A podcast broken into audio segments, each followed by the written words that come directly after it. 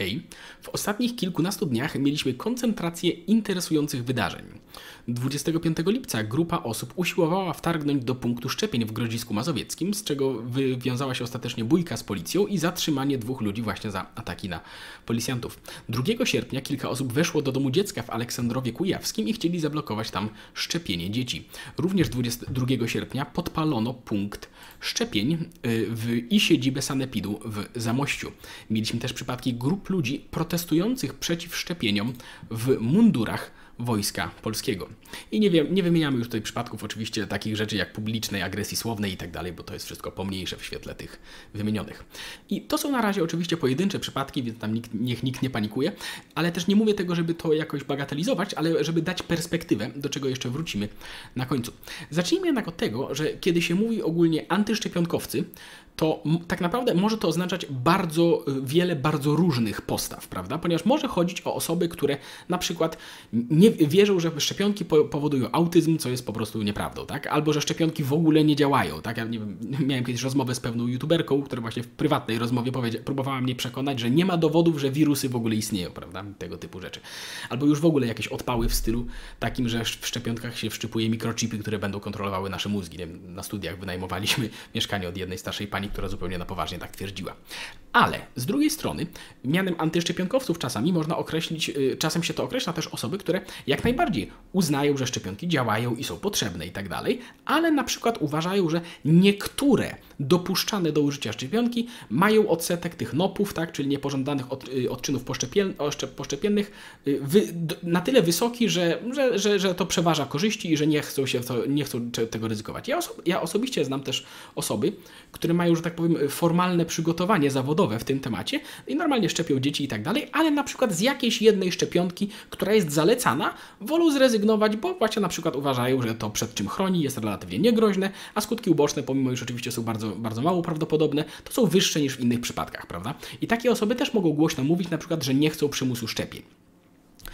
I ktoś może powiedzieć, że takie podejście, nie wiem, jest błędne albo coś takiego. Nie, nie wiem, ja się na tym nie znam, nie oceniam tego merytorycznie, natomiast przytaczam to, żeby pokazać, że to jest coś kompletnie innego niż te pierwsze postawy, które wymieniliśmy na początku, tak? Chociaż te pierwsze są oczywiście być może nieco bardziej widoczne w przestrzeni publicznej. No i podobnie jest też w przypadku tej nowej szczepionki na COVID. Czyli oczywiście są też przykłady osób, które mają po prostu obawy, że to wszystko nie zostało dobrze i gruntownie przetestowane. No i wiecie, to jest też zrozumiała obawa, tak? W świetle tego, że no to wszystko było przecież produkowane i testowane na szybko, tak? Jest to zasadniczo nowy lek.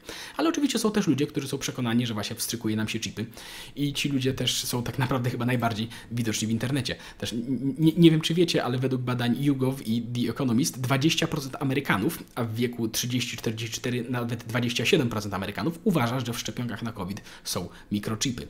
Uważa tak 32% republikanów i 14% demokratów.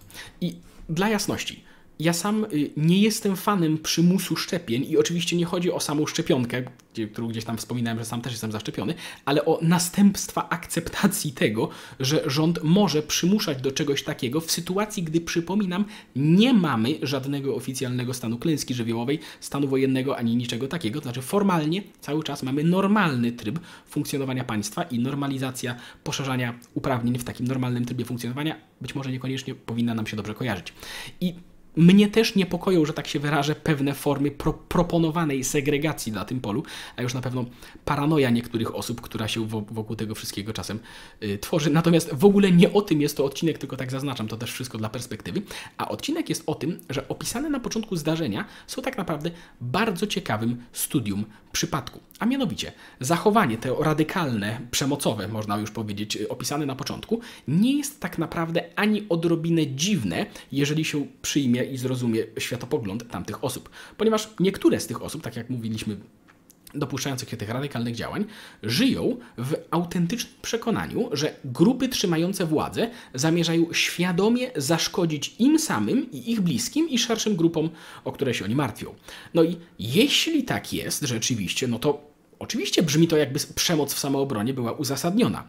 I ujmuję to w ten sposób, ponieważ takie przekonanie, że grupy trzymające władzę świadomie szkodzą Polsce i Polakom, wcale nie ogranicza się do grupy antyszczepionkowców. Obawiam się, że robi się wręcz to przekonanie dość uniwersalne, tak? Tylko ludzie różnie postrzegają, które to są grupy i jaką szkodę chcą wyrządzić. Natomiast różnica istotna jest taka, że według antyszczepionkowców niektórych, to znaczy tych radykalnych, to się już zaczęło, to znaczy już przeszło, y, zostało to przeniesione do formy jakiejś wdrażania fizycznej przemocy, no bo oni tak postrzegają masowe szczepienia, prawda? I to nie jest, mówię to wszystko, ponieważ to nie jest jakiś inny rodzaj ludzi, prawda? Ludzie, ludzie z tamtych grup. I zaznaczam to, ponieważ to nie jest nic zaskakującego, że osoby przekonane, że są przyparte do ściany i że potężne siły polityczne wyrządzają im krzywdę, że takie osoby mogą się uciekać do przemocy. I wiecie, gdyby naprawdę tak się działo, no to być może przemoc rzeczywiście byłaby, byłaby tutaj uzasadniona, ale ludzie dla jasności nie podejmują takich decyzji uciekania się do przemocy w oparciu o jakąś obiektywną miarę realnej krzywdy, tylko o swoje poczucie krzywdy, czemu trudno się dziwić, no bo przecież mamy dostęp tylko do swoich poczuć tak naprawdę, nie? W większości przypadków. Natomiast mówię o tym wszystkim, bo ponownie takie zachowanie nie jest niczym szczególnie zaskakującym u ludzi naprawdę przekonanych, że oni chcą nas zniszczyć. A wiecie, codzienne bombardowanie się w swojej bańce informacjami o tym, jak bardzo niecne zamiary mają oni i doniesieniami o tym, jak już ktoś został pokrzywdzony, prawdziwymi lub doniesieniami lub też nie, wspomaga tego typu przekonanie. A takie ataki, jak opisane, no to jest naturalny skutek podniesienia takiego przekonania do ekstremum. I bez problemu jestem w sobie w stanie wyobrazić, że grupy uwikłane w konflikt polityczny, na przykład w Polsce, w naszym kraju, y, mogłyby zrodzić jednostki gotowe do podobnych działań. I myślę, że jedne z tych grup są te, tego być może bliżej, a inne wyraźnie dalej, ale w przypadku każdej z nich, y, w każdej z nich wydaje mi się, że jest to w przestrzeni potencjalnych możliwości.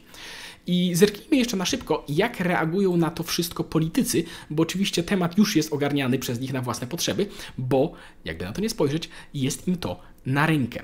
A mianowicie premier Morawiecki już zapowiada, że ataki na punkty szczepień będą surowo karane i zapowiada ochronę służb dla tych miejsc. Minister Obrony Narodowej Mariusz Błaszczak zapowiedział, że już wkrótce w życie wejdą przepisy, które zakażą noszenia mundurów Wojska Polskiego przez antyszczepionkowców. Cytat, antyszczepionkowi terroryści nie mogą udawać żołnierzy Wojska Polskiego.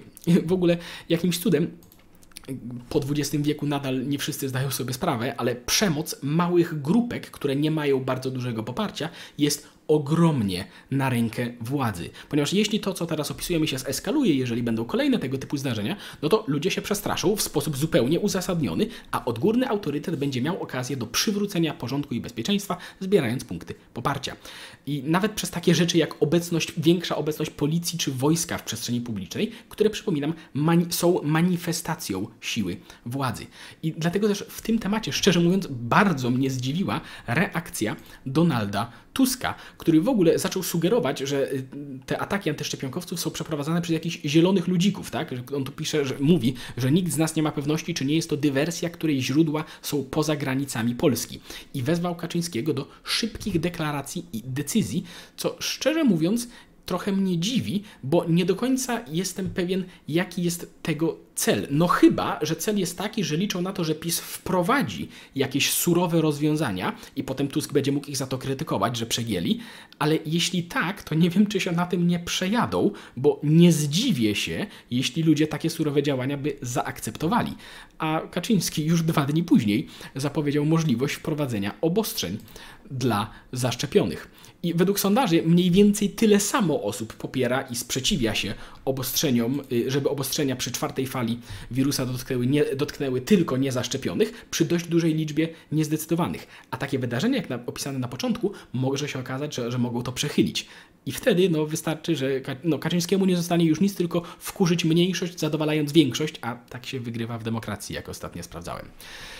No, tak na marginesie w ogóle nie wiem, czy zauważyliście, ale po powrocie Donalda Tuska jest taka widoczna bardzo w jego retoryce, w oczywiście w jawny sposób wyinżynierowana, no bo to, co, mówi, to, co mówią politycy i to, jaką kreują narrację w swoim przekazie, oczywiście, że jest inżynierowane przez specjalistów, to nie jest krytyka, tylko obserwacja, ale jest w jego wypowiedziach, wypowiedziach taka bardzo wyraźny y, kąt, y, kąt kojarzenia PiSu z Rosją, tak? Mamy ruski ład i putinizację Polski i tak dalej i przyznam, że kompletnie tego nie rozumiem, w tym sensie, że wydaje mi mi się, iż propagandowo to się po prostu nie przyklei do PiSu, który jawnie, wielokrotnie był jawnie antyrosyjski przecież, prawda?